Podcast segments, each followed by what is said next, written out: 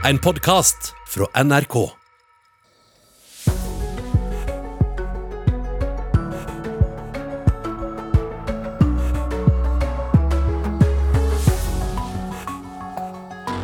Hvis permitteringsperioden ikke blir utvida, da blir vi sagt opp, tenker jeg. Ja, en ny bølge med oppsigelser kan ramme oss i mars, men nå åpner regjeringen for en utvidelse av permitteringsperioden, får du høre i denne sendingen. Donald Trump kalte krisepakken en skam. Nå har han undertegnet avtalen, men uten at det ble mer penger til vanlige amerikanere. Sju, sju, kommuner her hjemme har fått levert koronavaksiner før andre, og setter i gang vaksineringen på sykehjemmene i dag. Vi er med både i Østfold og i Innlandet. Og den internasjonale restaurantkjeden Hard Rock Café protesterer nå mot at en samisk språkskole har fått retten til å bruke frasen hard joik kafé i undervisningen. At, uh sørsamene, som da er 1000 stykk i Norge, skal være en trussel mot en sånn verdensomspennende kjede, det har jeg litt vanskelig for å se. Velkommen til Nyhetsmorgen denne mandagen midt i romjulen. Det er 28. desember. Vi følger også med på en fiskebåt som har gått ned i Barentshavet. To skal være reddet. Dette er på russisk side. Jeg heter Ida Creed. Julen kom med både gode og dårlige koronanyheter. Svein Andersen fikk den første vaksinen i Norge. God følelse, egentlig. Nesten som om førstemann på avstand gikk på månen. Samtidig ble denne smittsomme britiske koronavarianten påvist, og smittetallene stiger flere steder i landet. Assisterende helsedirektør Geir Stene Larsen, god morgen. Når kan vi se effekten av vaksinen ute i samfunnet? Ja, disse første vaksineringene de ville jo ikke ha noen betydning for uh, smittespredningen i samfunnet. Uh, men det vil gjøre det lettere for de som bor på sykehjem å få besøk. Så det er jo veldig positivt. Uh, nå har jo prioriteringen slik at vi først kommer til å vaksinere risikogruppene. Og det vil jo redusere alvorlig sykdom og død hvis det skulle bli en, en stor smittespredning. Men det vil ikke ha så stor betydning for smittespredningen i samfunnet som sådan. fordi at de som er i risikogruppene, og selv de eldre, de har mye mindre kontakt med andre mennesker og er mye mer forsiktige eh, enn andre, sånn at de bidrar i liten grad til smittespredning. Så hvor lang tid tror du det kommer til å ta da før vi ser at dette R-tallet går ned i samfunnet pga. vaksinen? Eh, ja, eh, dette vil nok skje litt gradvis. Eh, og det vil kanskje først være slik at det blir lettere å holde R-tallet på et stabilt nivå. Og så deretter så vil det begynne å synke igjen. Men hvis du sier at vi først er nødt til å ha vaksinert risikogruppene, og da snakker vi om kanskje april-mai, kanskje juni, Eh, for å være beskyttet. Eh, da kan man kanskje begynne å lette på tiltakene. Så kan det nok være at R-tallet kan komme under kontroll tidligere, men det er veldig avhengig av hvilke andre tiltak vi har samtidig. Så mm. dette spiller veldig nært sammen. Eh, men, men, jeg tror nok vi må ha vaksinert alle risikogruppene før vi får noe særlig hjelp. Og da, da er vi nesten ved sommeren. Ja, vaksineringen startet så vidt i går og kommer eh, for alvor i gang i dag i sju kommuner. En frigjøringsdag, sa statsminister Erna Solberg i går. Hva sier du? Eh, jo da, dette er jo en veldig viktig eh, symbolsk eh, hendelse på et vis, for det er starten. Men det er jo, som mange har snakket om, det er eh, vi er i begynnelsen eh, av å kunne avslutte dette. Men det, jo, det gir jo et, et, håp, og det er en lys i tunnelen. Og nå ser vi at, at det nærmer seg. Ja, har utviklingen når det gjelder smittetall denne julen vært sånn cirka som dere trodde, eller eh, har det vært bedre eller altså, dårligere? Det er faktisk litt vanskelig å si akkurat nå. For nå er det færre som tester seg. Eh, og så er tallene noenlunde stabile. Og, og, det kan jo være to årsaker til at færre tester seg. Det ene er at uh, det er færre som faktisk er syke. Det vil være veldig positivt. Men det kan også være at færre øh, gjør det nå fordi de er ferie og fordi de ikke har lyst til å teste seg. Og da kan det være at smitten er verre enn det vi tror. Så vi, vi, vi frykter jo at, at, tallene vil stige etter nyttår. Men. Nå har det kommet uh, tall fra, um, fra, Oslo, og jeg har litt problemer med å, å se tallene. 49 uh, flere nye i 64 færre enn da da, færre enn i forrige uke? En døgnet før. Klarer du å analysere det? Nå var det mitt tall, hva sa du? Jeg, nesten, nesten, jeg, finner ikke de tallene, jeg bare hører at de har kommet. Skal vi se. Eh, men eh, ja. Ja, vet du, Vi må bare komme tilbake til Jo, her er det. Det er registrert 49 nye smittetilfeller av korona i hovedstaden det siste døgnet, viser kommunens oversikt. og Det er altså en nedgang på 64 nye tilfeller ja. sammenlignet med døgnet før. Eh, og Bydelen med høyest smittetrykk er fortsatt Stovner. Ja. Hva tenker du om det? Oslo har jo vist en positiv utvikling. Der har det jo vært en nedgang øh, over lengre tid, egentlig. Men det er vanskelig å tolke denne utviklingen nå i julen, fordi vi vet ikke om, øh, om, om eh, alle som har symptomer, har testet seg nå i hele tiden. Tror du at det verste fortsatt ligger foran oss? Jeg tror vi har en tøff periode nå, noen måneder. Da vi stengte ned i mars, så fikk vi jo også hjelp av årstiden. Nå har vi årstiden mot oss. Eh, og så I mars var det jo også slik at folk overpresterte. De, de gjorde mer enn de rådene vi ga. Eh, nå er det god oppslutning, men, men eh, det er jo ikke på samme måten som den gangen. Så det er nok en risiko for at vi vil ha høye smittetall over lang tid. I går ble også dette muterte britiske viruset påvist her i landet. Hvor bekymret gjør det deg? Det er jo bekymringsfullt hvis eh, det får fotfeste. Eh, så er det jo litt trøst i det at eh, det har fått fotfeste i England, og der har det åpenbart vært et stort problem. Men det har vært også i Danmark. Der har det vært erkjent, og der er det ikke blitt et problem. I hvert fall til nå. Så det er vel et håp om at hvis vi klarer å få stanset det tidlig, før det får ordentlig fotfeste, så behøver det ikke å utgjøre noe problem. Men derfor er det jo også så ekstra viktig nå at alle som får symptomer, går og tester seg, at man følger reglene.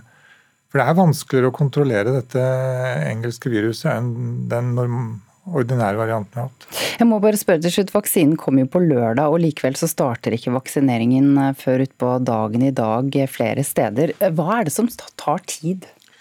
Nå må vi huske at Dette er jo et lite antall doser, og det er ikke sånn hast fra den ene dagen til den andre. Men vi skal jo ha personell på plass, og så skal vi ha samtykke fra alle som skal vaksinere seg. Så det er en stor organiseringsjobb å få dette til. Mm. Eh, både på sykehusene, men også i samfunnet ellers. Takk, assisterende helsedirektør Geir Stene Larsen. Og da skal vi til Roma. Vi har med oss europakorrespondent Simen Ekern. I går ble jo den store vaksinedagen markert over hele Europa. En koordinert europeisk start på det som forhåpentligvis blir et nytt og mer normalt år. Og Simen Ekern, du var til stede der den første vaksinen ble satt eh, i Italia. Hvordan var det? Det var jo først og fremst en enorm interesse for denne begivenheten eh, i Italia.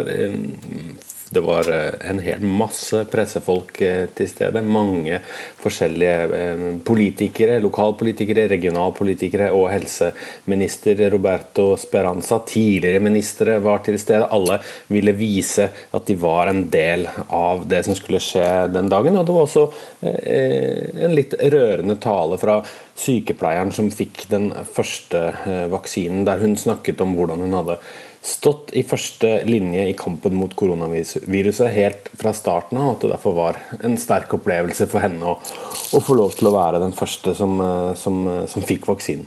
Ja, Det har kommet bekymringsmeldinger om vaksineskepsis eh, i en del land.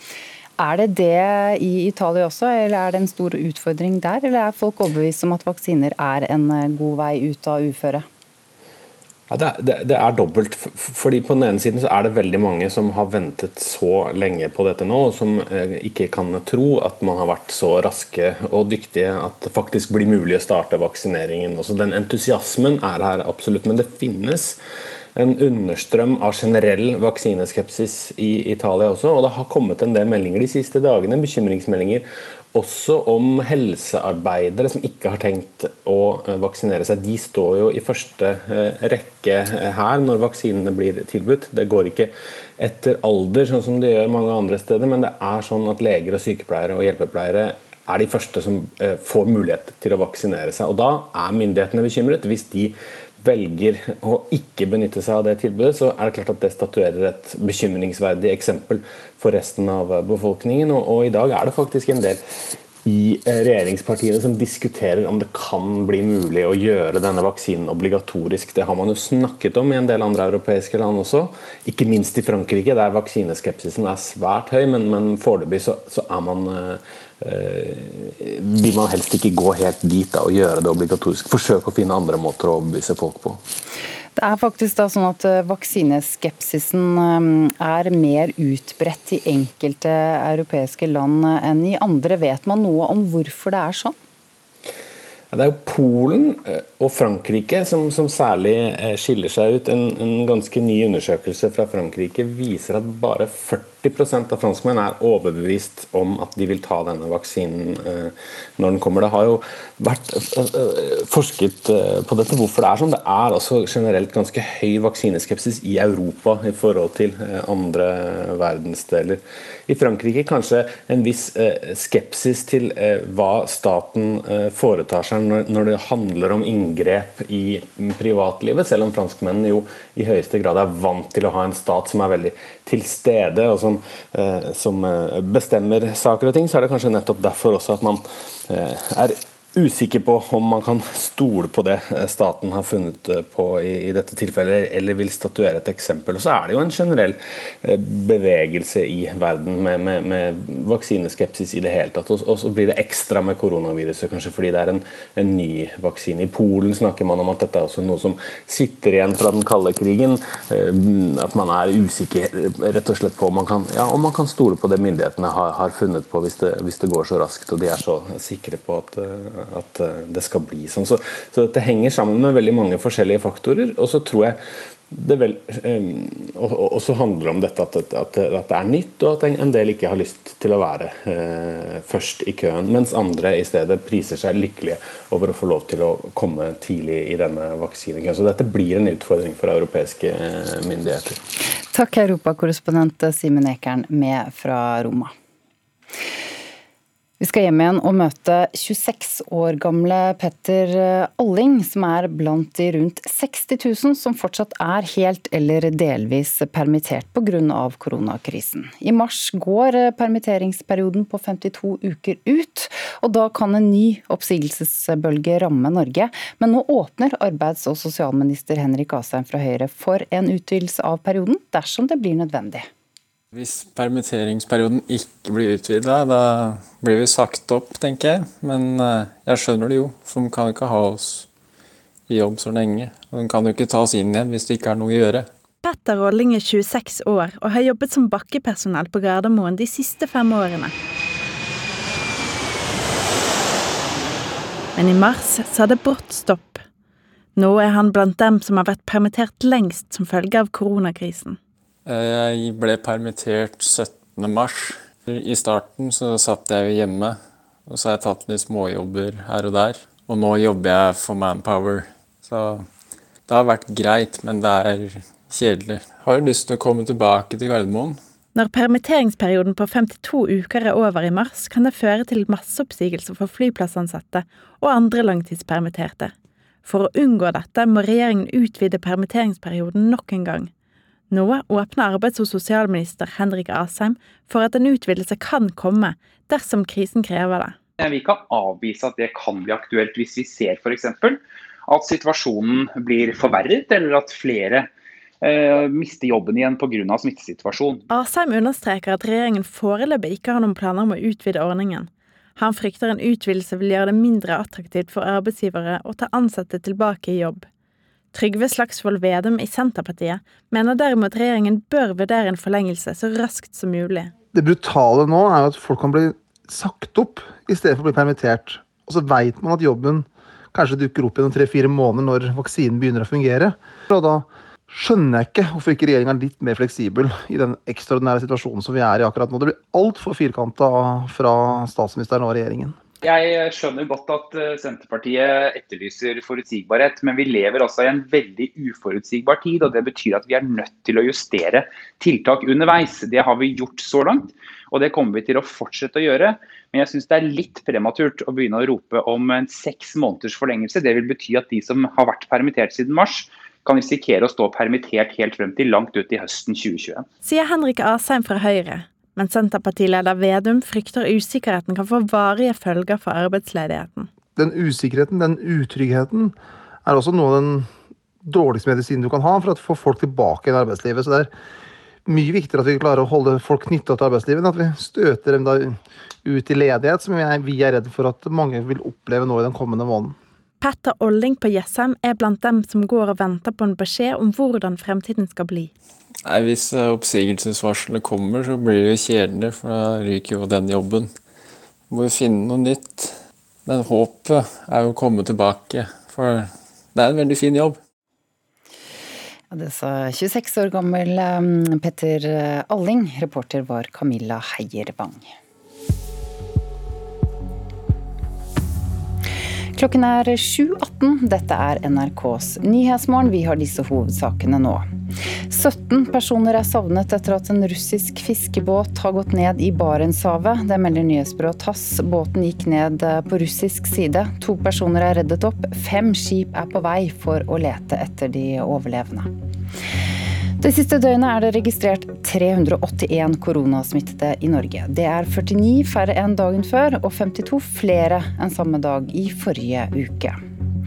Og så mange som fire av ti historiske hoteller og serveringsbedrifter risikerer å gå konkurs etter det voldsomme omsetningsfallet pga. pandemien, skriver Dagens Næringsliv i dag. Sjeføkonomen i oljeselskapet Equinor og lederen i Miljøpartiet De Grønne er enige på flere sentrale punkter om hva som trengs i klimapolitikken. Equinors sjeføkonom Eirik Wærnes peker i dagens Politiske kvarter på at tiden for forbruksvekst i Vesten må være forbi. Og det oljeøkonomen sier her, får frem smilet hos MDG-leder Une Bastholm. Vi kan godt ha høy vekst høy økonomisk vekst, men vi kan ikke fortsette å ha den samme veksten i forbruket i den, viktigste, i den vestlige delen av verden. Hvem tror du sa dette? Det kan vel fort ha vært en fanatisk miljøpolitiker? Men nei, det er altså ikke det. Det er sjeføkonom i oljeselskapet Equinor, Eirik Wærnes. Her er miljøpolitikeren. Dette er jo veldig spennende. Une Bastholm er leder i Miljøpartiet De Grønne. Det er um, både hyggelig og veldig positivt at uh, Equinor har uh, sjefsøkonomer som sitter og uh, tenker sånne tanker. Og det økonomen og miljøpartilederen er enige om, er to ting. For det første, hvis verden skal klare å nå togradersmålet, altså den internasjonale politiske avtalen om å avgrense global oppvarming, så kan vi ikke fortsette med å øke materielt forbruk her hos oss. Den sentrale er at veksten i forbruket og veksten i energiforbruket må komme andre steder enn i de industrialiserte verdenene. Men den økonomiske veksten må fortsatt være høy hos oss, slik at vi også er i stand til å bidra til den utviklingen. Bl.a. gjennom overføringer fra de rike land til de fattige. Eh, vi må betale mer for vårt forbruk, eh, bl.a. knyttet til eksterne virkninger av det. Altså CO2-utslippene i Kina knyttet til varer vi importerer, det må vi betale mer for. Eh, da reduserer vi våre konsummuligheter, men vi må fortsatt ha høy økonomisk vekst, slik at vi har en teknologiutvikling eh, her som også kan bidra til den utviklingen vi må tillate om du vil, i fremvoksende økonomier. Så Nøkkelen er at, eh, at overgangen fra økonomisk vekst til vårt eget forbruk må bli annerledes enn den har vært. Hvordan den veksten ser ut, er det aller viktigste. Det er mye vi kan gjøre med ressurseffektivitet, f.eks. bruke de ressursene vi tar ut av naturen flere ganger. Um, bruke energien effektivt, um, bruke varmen flere ganger. Eh, ikke sant? Som vi vet vi har kjempestort potensial for, men som jo krever politiske prioriteringer. Da. For det andre, fordeling er avgjørende mellom rike og fattige land, men også internt i våre samfunn. Hvis vi skal få en klimapolitikk til å virke og bli akseptert politisk i Vesten, så må vi tenke igjennom hvordan vi også gjør noe med inntektsforskjellene i Vesten eh, internt. Mm. Så det er de aller rikeste i Vesten og de som har det høyeste forbruket, som må tilpasse seg mest. Musikk i mine ører. For det er helt riktig konklusjon. Ja, Det sa MDG-leder Une Bastholm til slutt her, og du kan høre hele dette møtet mellom henne og Equinors sjeføkonom i dagens Politiske kvarter, som kommer som vanlig klokken 7.45. Reporter var Håvard Grønli. En samisk språkskole har fått godkjent Hard Joik kafé som varemerke. Det skal gjøre det mer morsomt for elevene å lære om joik og egen kultur. Men den internasjonale restaurant- og barkjeden Hard Rock Café liker konseptet dårlig og har lagt inn en protest. Vi er en prosess der vi prøver å fornye oss, og så har vi fått en del innspill fra ungdommene. Hvor de ønsker mer moderne ramme i formidlinga av sin egen kultur. Så Harjork kafé har blitt et konsept som vi, de ønsker at vi skal bruke på språksamlingene i forbindelse med undervisning i joik, tradisjonskunnskap og innlæring av språk. Sørsamisk kunnskapspark driver med fjernundervisning av samiske språk, og gjennom året samles også elevene på internatskolen i Hattfjelldal i Nordland. Daglig leder Lars Gunnar Marken forteller at de har flere flinke musikere som hjelper dem med undervisningen, som f.eks. Charlotta Kappfjell.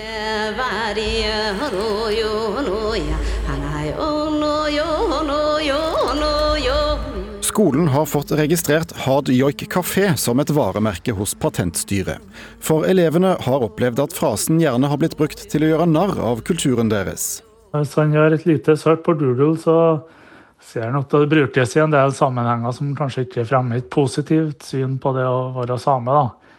Bruk det i forbindelse med fest, i forbindelse med parodier både på Hardrock kafé og på det samiske elevene sitt ønske å ta tilbake definisjonsmakt over det å være samisk ungdom i 2020. Det har jo ikke mye søknader som gjelder samisk musikk eller samisk kultur. Eh, så sånn sett så er det jo spennende at det har kommet en søknad som, eh, som eh, Hard Joik kafé. Knut Andreas Bostad er seksjonssjef i Patentstyret. Det er de som holder orden på hvem som har rettighetene til ulike varemerker her i landet. Før Hard Joik kafé ble godkjent og registrert, er det vurdert om frasen kan virke støtende eller på annet vis kan være problematisk opp mot den samiske kulturarven. Men Patentstyret mente likheten med Hard Rock kafé ikke var et problem. Ja, Patentstyret vurderte det opp mot Hard Rock kafé, men vi fant ut at merkene ikke er forvekselbare. Så vi mente at de kunne registreres ved siden av hverandre. At det ga et annet helhetsinntrykk eh, når man så merkene ved siden av hverandre. Hard Rock Café har klaget på godkjenningen av Hard Joik kafé. Restaurantkjeden ønsker ikke å la seg intervjue av NRK, men skriver i innsigelsen til Patentstyret at selv om joik og rock er ulike sjangre, er begge deler musikk. Derfor er de to varemerkene for like, og det nye krenker rettighetene til den kjente og etablerte kjeden. Klagen er nå til behandling. Ja, Det er jo lett å se at innsigelser kom på autopilot. Lars Gunnar Marken ved Sørsamisk kunnskapspark skulle gjerne hatt en dialog med Hard Rock kafé, men har ikke lyktes med det. At uh, sørsamene, som uh, da er 1000 stykk i Norge, som har et språk som står på Unescos liste over utrydningstrua språk, skal være en trussel mot en sånn verdensomspennende kjede, det har jeg litt vanskelig for å se. Reporter her var Thomas Olvarstein Ove. Selv om året vi har eh, tilbakelagt eh, har vært eh, tøft for deler av næringslivet, så er det likevel mange bedrifter og gründere som har brukt året på å satse.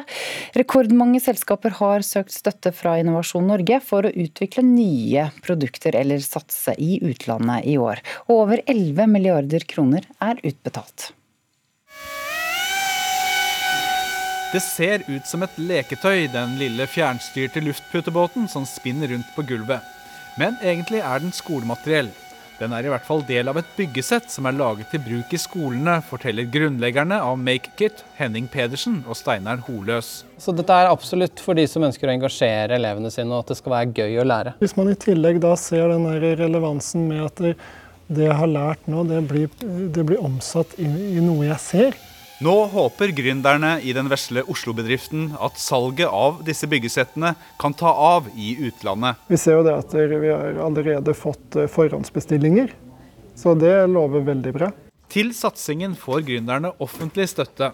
Sammenlagt har Innovasjon Norge i år betalt ut over 11 milliarder kroner i tilskudd og lån til næringslivet. Det er mange selskaper som satser under koronakrisen, forteller direktør Kristin Willoch Haugen i Innovasjon Norge. Det har vært en voldsom eh, pågang. Eh, vi har sånn På landsbasis så ser vi nå at vi nærmer oss en eh, dobling og vel så det av prosjekter som vi nå har finansiert i 2020 mot 2019 f.eks. Og i Oslo og Viken er vi nå oppe på en fire ganger nesten av det vi vanligvis ser. Et annet produkt som det nå satses på, er roboten som kan legge et sykehusrom i tåke. Eh, den tar en, eh, en, en, kjemi som den omdanner til en tørr tåke. Og den tørre tåken den dreper alle mikrobene som er i rommet. Forteller daglig leder i Deacon X, Bjørn Plato.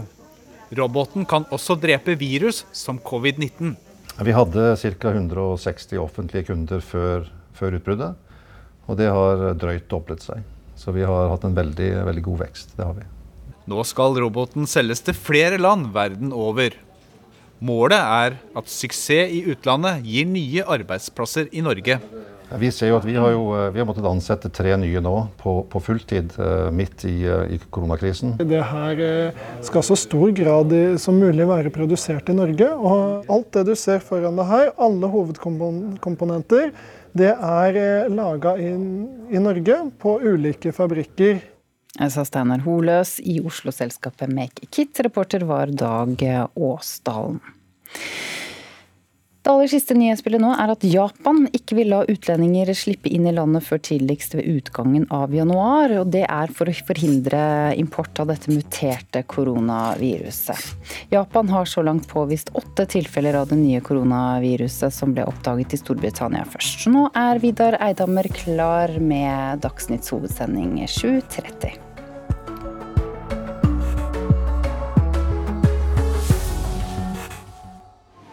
Studio 2. Hvordan ble nyheten om denne ekstravagante premien, altså presidentflyet, mottatt blant meksikanerne? Studio 2 gir deg de viktigste nyhetene, de største skandalene, de nyeste trendene og alle historiene bak. Han samla jo vanvittig mengde mennesker hver gang han skulle gjøre noe halsbrekkende, og nå var vel halsen det eneste han ikke knakk, faktisk. Hør NRK P2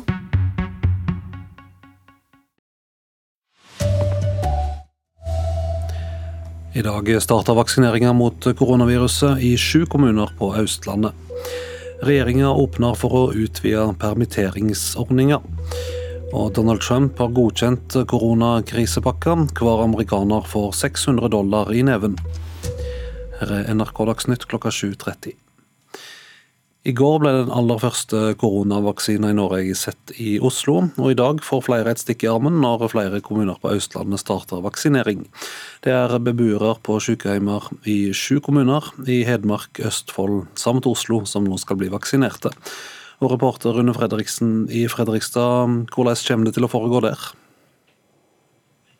Her i Fredrikstad er det som sagt også de eldste og beboerne på sykehjemmene som får denne vaksinen først. Og ordfører Jonivar Nygård, hvordan er dette organisert nå?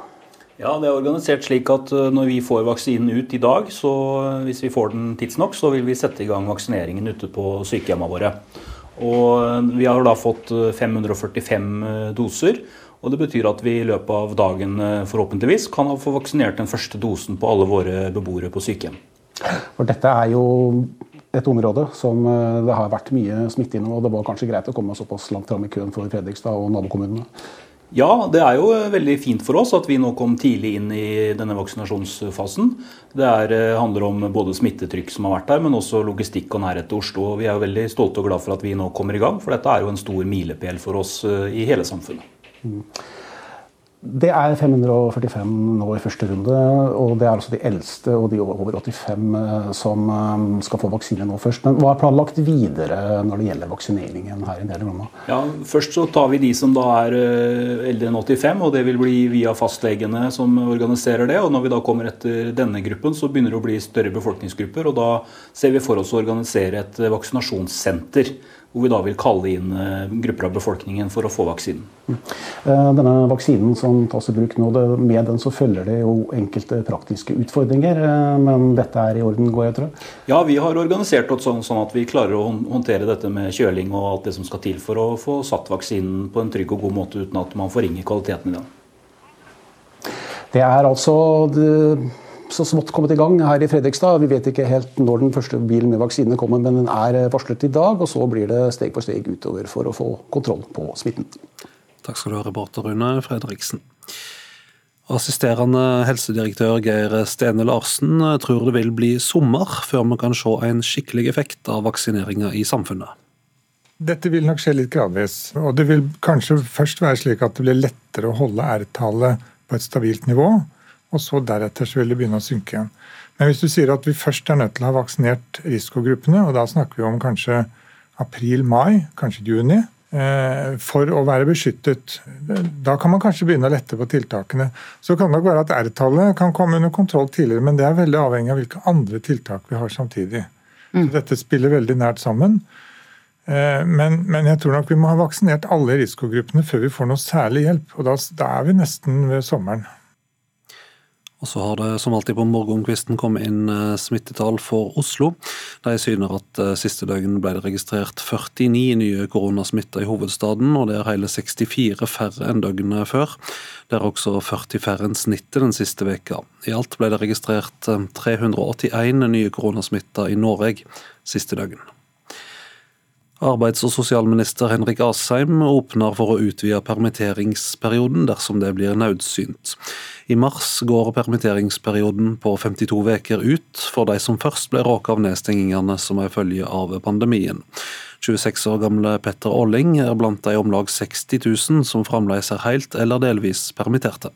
Hvis permitteringsperioden ikke blir utvida, da blir vi sagt opp, tenker jeg. Men eh, jeg skjønner det jo, for vi kan ikke ha oss i jobb så lenge. Og den kan jo ikke tas inn igjen hvis det ikke er noe å gjøre. Petter Rolling er 26 år og har jobbet som bakkepersonell på Gardermoen de siste fem årene. Men i mars sa det brått stopp. Nå er han blant dem som har vært permittert lengst som følge av koronakrisen. Jeg ble permittert 17. mars. Når permitteringsperioden på 52 uker er over i mars, kan det føre til masseoppsigelser for flyplassansatte og andre langtidspermitterte. For å unngå dette må regjeringen utvide permitteringsperioden nok en gang. Nå åpner arbeids- og sosialminister Henrik Asheim for at en utvidelse kan komme dersom krisen krever det. Vi kan avvise at det kan bli aktuelt hvis vi ser f.eks. at situasjonen blir forverret, eller at flere eh, mister jobben igjen pga. smittesituasjonen. Asheim understreker at regjeringen foreløpig ikke har noen planer om å utvide ordningen. Trygve Slagsvold Vedum i Senterpartiet mener derimot regjeringen bør vurdere en forlengelse så raskt som mulig.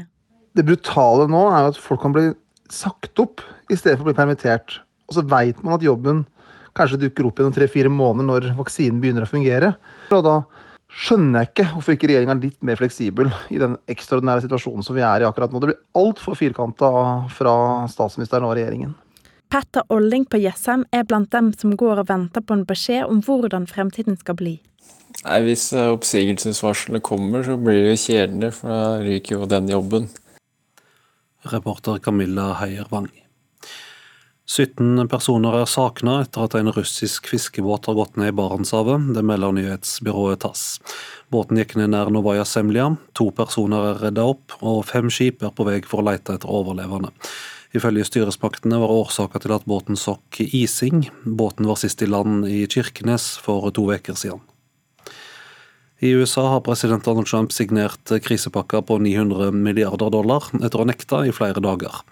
Om Trump ikke hadde signert, ville deler av statsapparatet blitt stengt ned i morgen. Mer penger kommer. Jeg vil aldri slutte å kjempe for det amerikanske folket, skriver Trump i en uttalelse. Nesten en uke på overtid har han bestemt seg for å signere krisepakker på 900 milliarder dollar, i tillegg til budsjettpakker på 1400 milliarder.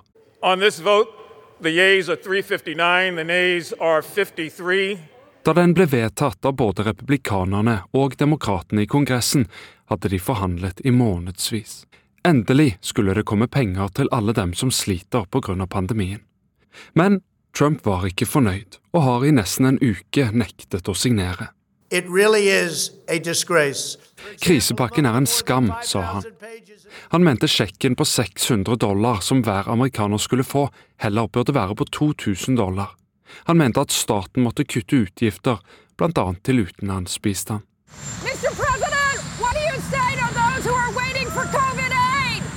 Allerede natt til i går mistet tolv millioner amerikanere arbeidsledighetstrygden sin. I løpet av noen få dager ville også flere andre støtteprogrammer løpt ut, og tirsdag hadde deler av den føderale staten måttet stenge ned. Nå får de holde åpent. Hva som har fått Trump til å endre mening, er foreløpig ikke kjent. Reporter var Martin Råalsø. En elleve år gammel gutt på Berge skole i Trondheim har siden august ført koronastatistikk i klassen sin. Fernand Dutieu har bl.a. laget en oversikt over vassforbruk og hvor mye tørkepapir klassen har brukt. Jeg gikk rundt i friminuttet og spurte folk eh, om hvor mange tørkepapir de brukte, hvor lang tid de brukte på å gni hendene sine med såpe, og om de skrudde av vannet. Og så regnet jeg ut statistikk eh, med det. Fernand går altså i sjette klasse ved Berg skole i Trondheim, og har siden i august ført statistikk over klassens vaskerutiner og bruk av tørkepapir. Og han har funnet ut mye interessant. Alle bruker ikke samme antall tørkepapir, og gjennomsnittet for alle er 2,6. Eh, på det diagrammet viser det eh, hvor mange bruker hvor mange tørkepapir. Vi kan se at to er det som er mest brukt. Læreren til Fernand heter Jan Andersson. Han er imponert over 11-åringens metodikk og måten han har gått fram på for å lage statistikken. De har jo drevet med et lignende mye, mindre prosjekt, sånn telle biler ned Jonsalsveien og eh, telle busser og elbiler og sånne ting. Sånne små statistiske prosjekt, men ikke i nærheten av det han har satt i gang. da. Det er over til vasking av hender. Gjennomsnittet for alle er ni sekunder. Fem er det som, er det som folk bruker mest, og så er det faktisk noen som bruker 40 sekunder. Ja, 11-åringens statistikk har imponert mange. Både Trondheim kommune og Statistisk sentralbyrå mener den er veldig interessant. Statistikkbyrået opplyser til NRK at det omfattende arbeidet han har lagt ned lover godt for framtida, og de håper han fortsetter å lage god statistikk. Også læreren mener dette lover godt for 11-åringen. Jeg var ikke helt klar over det til å begynne med hva han egentlig drev med. og Jeg så han gikk rundt med penn og papir i gangen der, og det ble et ganske omfattende arbeid. Et Ganske stort arbeid han har gjort. Reporter i Trondheim var Roger Myhren og Espen Sandmo. Ansvarlig for denne Dagsnytt-sendinga var Elin Pettersen, og i studio Vidar Eidhammer.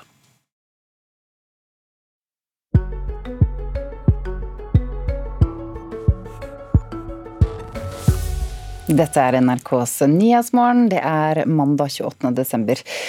Velkommen til deg hvis du akkurat har skrudd på. De fleste studenter bor jo enten i studentboliger eller leier hybler på det private markedet, men slik er det ikke for Veronica Skotnes. Hun har valgt å bo tett på naturen mens hun studerer.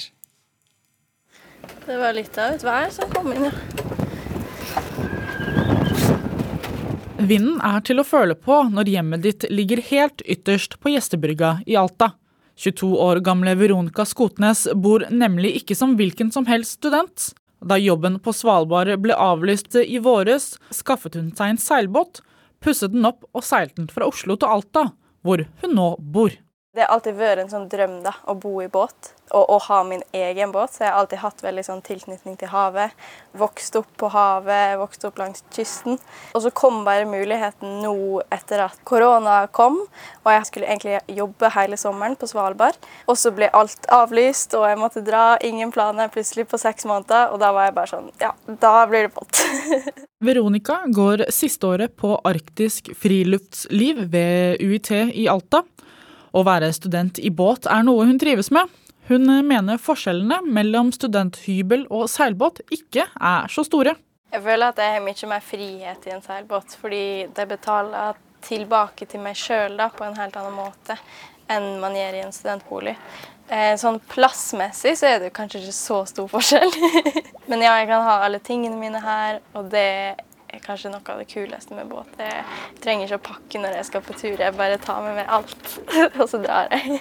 Friheten til å ta med seg hjemmet sitt akkurat dit hun vil, er noe av det Veronica liker best med båtlivet. Det opplevde hun da hun i tre måneder seilte norskekysten nordover tidligere i år. Å kunne på en måte ta seg så god tid også på å seile opp, og ha tre måneder på å virkelig bare oppleve kysten, oppleve ankerplasser, møte folk og ikke ha det så travelt, men reise på en sånn veldig sakte og rolig måte. Det var utrolig fint. Gjennom Instagram-kontoen sin delte hun bilder og videoer fra seilturen nordover. På kontoen finner man alt fra seilturer, hverdagen om bord til grønne turtips. Veronica har bl.a. blitt nominert til Englemarkprisen 2020 for sitt miljøengasjement gjennom sosiale medier, hvor nå nesten 4000 følger med på det hun gjør. Instagram er en veldig fin plattform fordi du kan nå ut til ganske mange. Det er også en mulighet for meg å på en måte dele det engasjementet for naturen. Eh, for jeg mener at eh, for å på en måte få folk til å bli engasjert, så må de forstå hva som er på spill. Og ved å på en måte inspirere folk til å komme seg ut, enten om det er i naturen eller på havet, eh, så vil folk få en litt sånn forståelse og kanskje også en sånn kjærlighetsfølelse som gjør at man ønsker å beskytte og ta vare på det i en større grad. Da. Livet om bord seilbåten går i bølgedaler, men Veronica føler det stort sett er gode dager. Hun innrømmer likevel at hjemmet hennes noen ganger er litt vel tett på naturelementene. På noen av de ordentlige sånn stormete nettene når man ligger og alt bråker og Da kan det hende at jeg tenker sånn Skulle kanskje flytta på landet, men Ja, Det sa Veronica Skotnes, som altså bor i eh, båt. Reporter var Kine Ternsten By.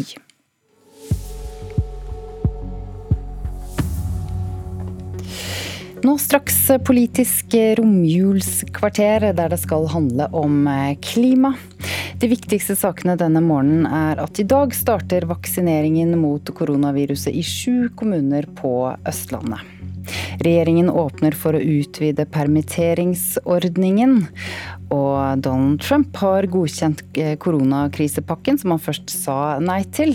Beløpet er det samme. Hver amerikaner får 600 dollar eh, hver.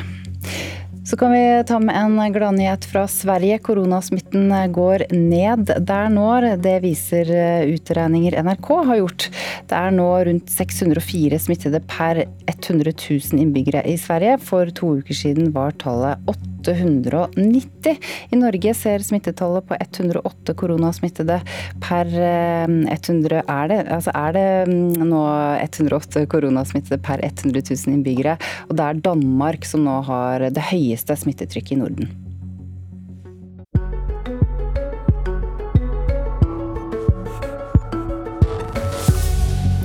Når olje- og energiselskapet Equinor sine skarpeste analytikere ser på hvordan verden kan nå togradersmålet, så kommer de ut med en rapport som likner på MDG sitt partiprogram.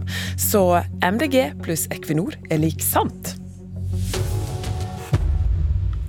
Vel møtt til Politisk romjulskvarter. Her i studio sitter olje- og energiminister Tina Bru.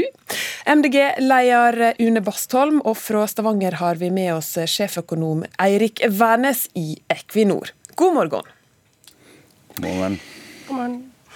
Hvert år så kommer altså Equinor med en stor analyse med tre scenarioer for hvordan verden kan tenkes å utvikle seg. Analytikerne stiller seg tre hovedspørsmål. Hva skjer om det blir mye konflikt her i verden? Hva skjer om alt holder fram omtrent som før? Og hva må til for at verden skal nå togradersmålet? Og det er det sentrale spørsmålet i dette kvarteret. Det scenarioet heter Rebalance. Og Eirik Wærnes, hva må bli grunnleggende annerledes i vårt hverdagsliv for at Norge og verden skal nå målet om eh, å begrense oppvarminga av kloden til to grader? Vi må bli mye mer eh, energieffektive enn vi er i dag. Mye raskere enn eh, vi har klart å få til de siste årene. Eh, og For å gjøre det så må vi forbruke mindre. Vi må senke vårt ressursintensive forbruk i den vestlige delen av verden, i den rikeste delen av verden, for å gi rom for utvikling, økt energiforbruk og økt inntekt, økt utdanningsnivå og mer bærekraft i de fattigste delene av verden. Så når jeg sier at det er en parallell mellom den analysen din og MDG sitt partiprogram, hva sier du da? Ja, nå har jeg ikke lest MDGs partiprogram i detalj, men, men, og jeg er litt usikker på hvor mye de er opptatt av, av utviklingen utenfor Norge. Men det er nok helt sikkert noen fellestrekk i dette. Spesielt knytta til at vi, må, vi kan godt ha høy vekst, høy økonomisk vekst, men vi kan ikke fortsette å ha den samme veksten i forbruket i den, i den vestlige delen av verden. Eh, også Equinor slutta jo opp om togradersmålet. Eh, kommer selskapet til å planlegge for dette scenarioet som du eh, snakker om nå? Altså Selskapets strategi er jo basert på at, eh, at vi skal eh, være enda tøffere enn det dette rebalance-scenarioet legger opp til på globalt nivå. Fordi vi skal ha netto nullutslipp i alt vi leverer innen 2050. Og Det betyr jo at vi kommer til å bidra i den retningen hvis vi lykkes med det. Eh, skal vi lykkes med det, så er vi avhengig av at rammebetingelsene endres og at samfunnet er på vei i den retningen. for Ellers får ikke vi det til heller. Mm. Men det er det, vi, det er det, som er vår plan. og Så tar vi selvfølgelig høyde for at det ikke er sikkert at verden utvikler seg i den retningen. Så vi må være robuste i ulike utfall. Mm. Men nå skal vi slippe til politikerne her, Vernes. Du skal også være med oss videre i diskusjonen. Men er dette en relevant påstand, slik du ser det? Vi må venne oss til og glede oss over helt andre ting enn å ha råd til en eh, ny bil neste år? Ja, vi må i mindre grad bruke inntektsøkningene våre til å øke vårt konsum. Vi kan nok opprettholde konsumet, men vi kan ikke øke konsumet på den måten vi har gjort, for vi må skape rom for at andre kan øke sitt konsum. Une Bastholm, er vi altså der nå at MDG pluss Equinor, det er lik sant? det kan jo hende at hvis vi hadde begynt å gå litt inn i praktisk politikk og, eh, og også scenarioene de neste skal vi si, 10 og 20 årene, at vi hadde vært uenige om en del, men jeg vil jo helst begynne med å si at det her er jo veldig spennende. Og det er um, både hyggelig og veldig positivt at uh, Equinor har uh, sjefsøkonomer som sitter og uh, tenker sånne tanker. og det jeg kjenner igjen veldig, er jo den analysen at vi er nødt til å frigjøre oss litt fra forrige århundres tenkning rundt hva utvikling og velferd er. Vi i De Grønne mener jo at vi må ta inn over oss at materiell velstand det er jo noe som har ekstremt høy verdi for livskvaliteten fram til et visst punkt. Men når du har nok materiell velferd, så frikobles det på en måte litt fra livskvalitet. Det vil kanskje være andre ting som er viktigere for om vi har det bra. Ikke om vi har eh, noen hundrelapper mer eller tusenlapper mer i lønn. Derfor vil det være veldig forskjell på noen som har veldig lav lønn, eller har, er fattig, eh, rett og slett. De finnes jo i Norge, og veldig mange av dem i, i en del andre land. Eh, fra noen som er veldig rik, hvor den ene krona ekstra betyr mye mindre enn for noen som er lite. Da.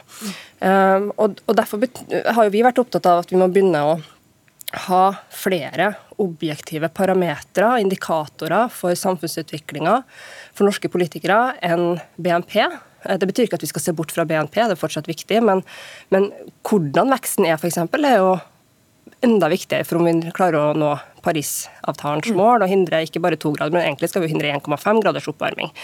Eh, da må jo mye mer av den veksten være grønn. Eh, men jeg tror at det, det, det er rette nivået å ha diskusjonen på. Da. Mer enn sånn trenger vi vekst, eller skal det ikke være vekst. For at hvordan den veksten ser ut, er det aller viktigste. Det er mye vi kan gjøre med eh, ressurseffektivitet. F.eks. bruke de ressursene vi tar ut av naturen flere ganger.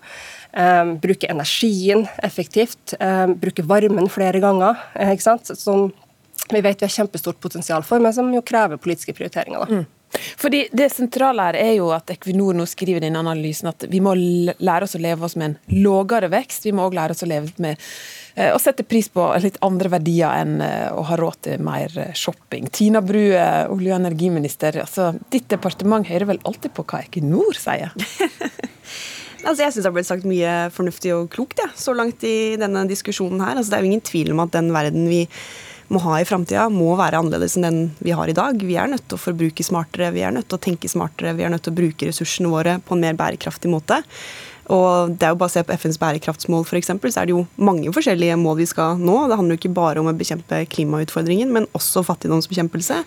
Og samtidig så blir vi flere mennesker i verden. Det kommer til å kreve mye. Men ser du det litt oppsiktsvekkende, som jeg la merke til i den rapporten, at de fokuserer sånn på at vi må øh, ha mindre vekst?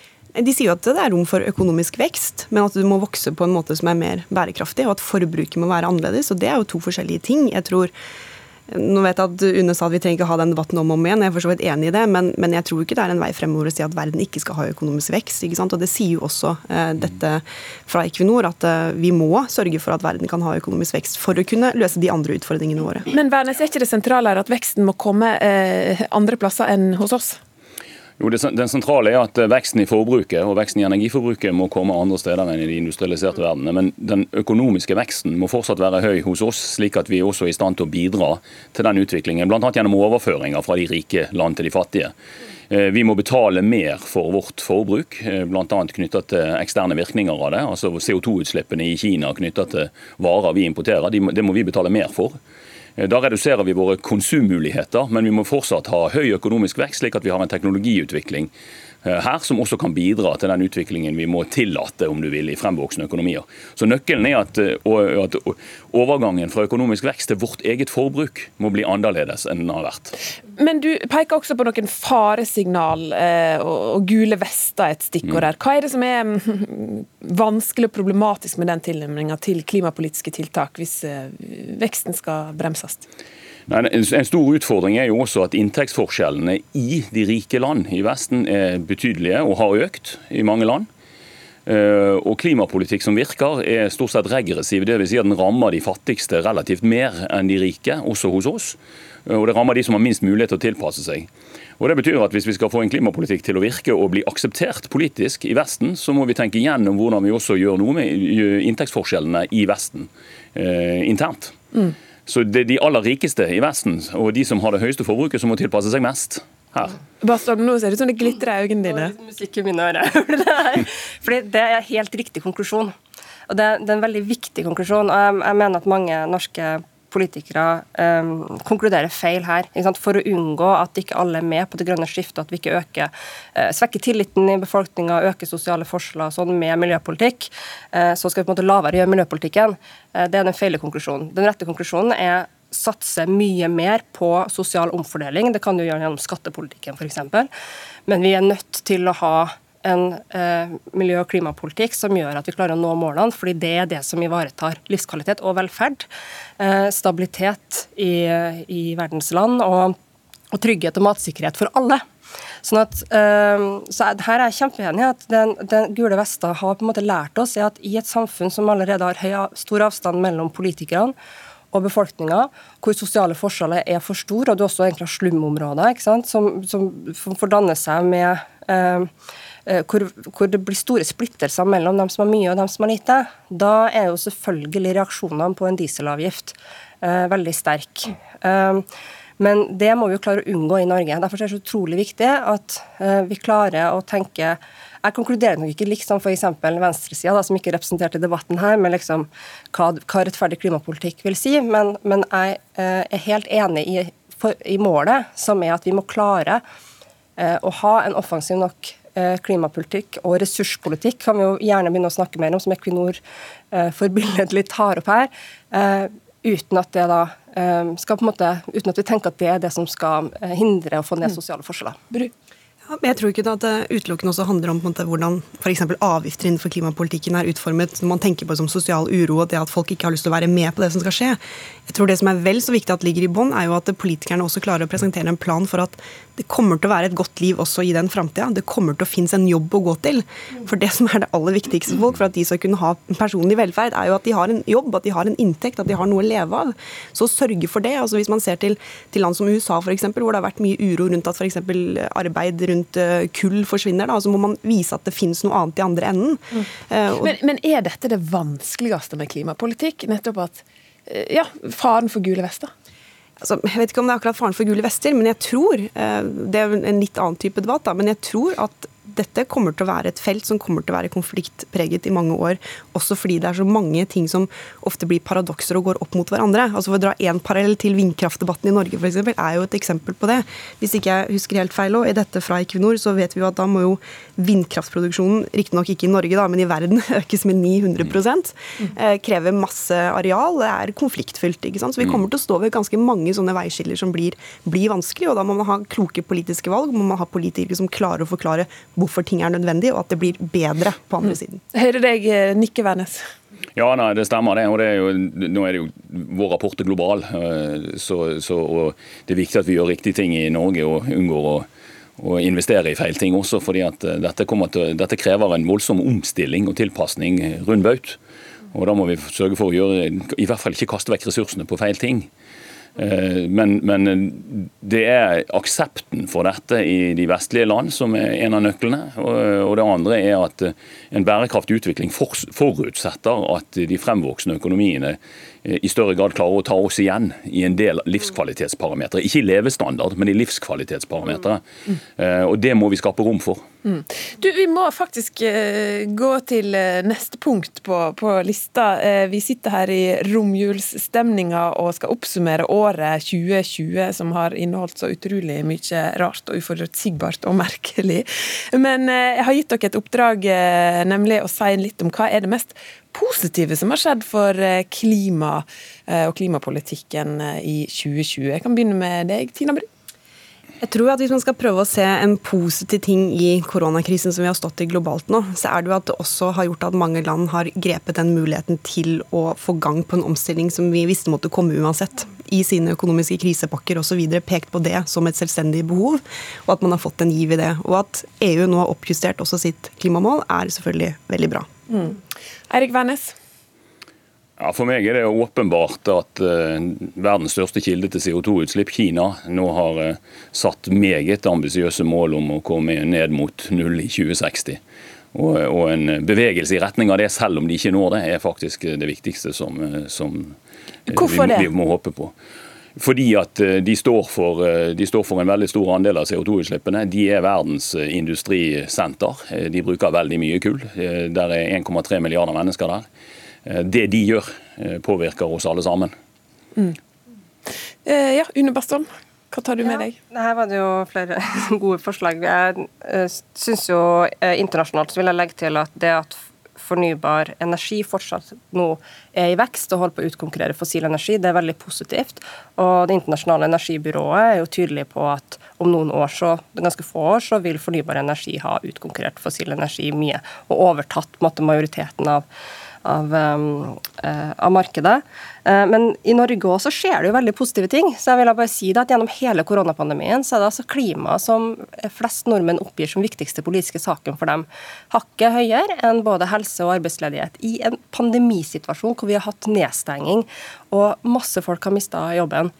Så Det sier noe om at eh, klima og miljø har fått en helt annen plass i nordmenns hjerter. Og jeg tror derfor også at det er viktig at vi, vi har mye fokus på hva som faktisk er potensial og hva som er ønska i befolkninga, ikke bare hva vi tror at de ikke vil ha. Og for vet vi at veldig mange heller vil ha mer fritid enn eh, en lønnsvekst hvis de har en god jobb. Da sier jeg tusen takk for at dere var med i dette politiske romjulskvarteret. Tina, Tina Bru, Une Bastholm og Eirik Wærnes. Mitt navn er Ingunn Solheim.